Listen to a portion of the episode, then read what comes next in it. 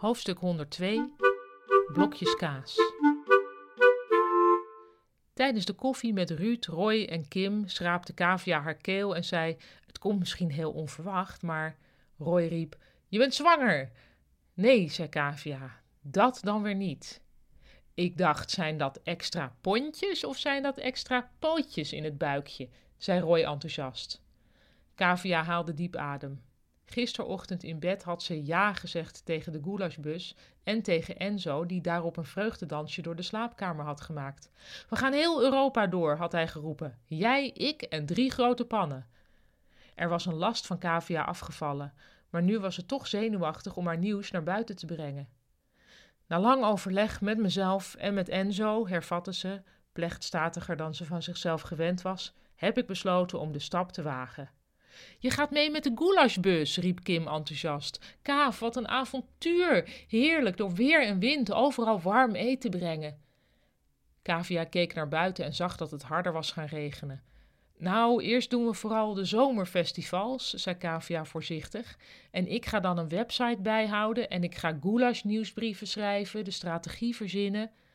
Geweldig, zei Roy. En misschien kunnen jullie dan ook naar Noorwegen komen. Why not?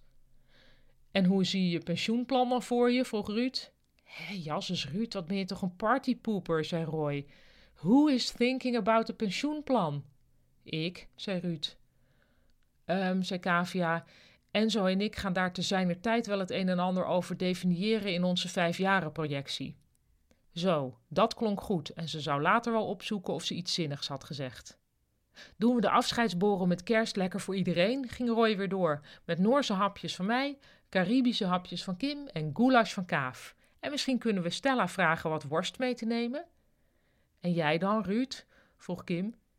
Van mij dan blokjes kaas, denk ik, zei Ruud, want ik zal hier nog wel een tijdje zitten.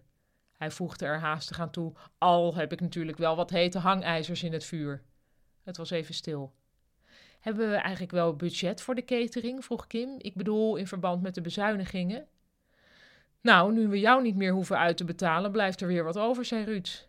Dus oom Ruud trekt de portemonnee. Het was even stil.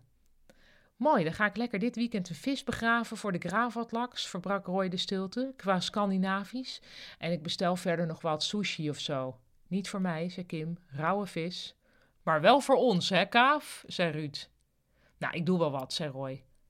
Toen Kavia wat vroeger dan normaal naar huis ging, zag ze dat Ruud met gespannen nekspieren op een vacaturesite zat te kijken.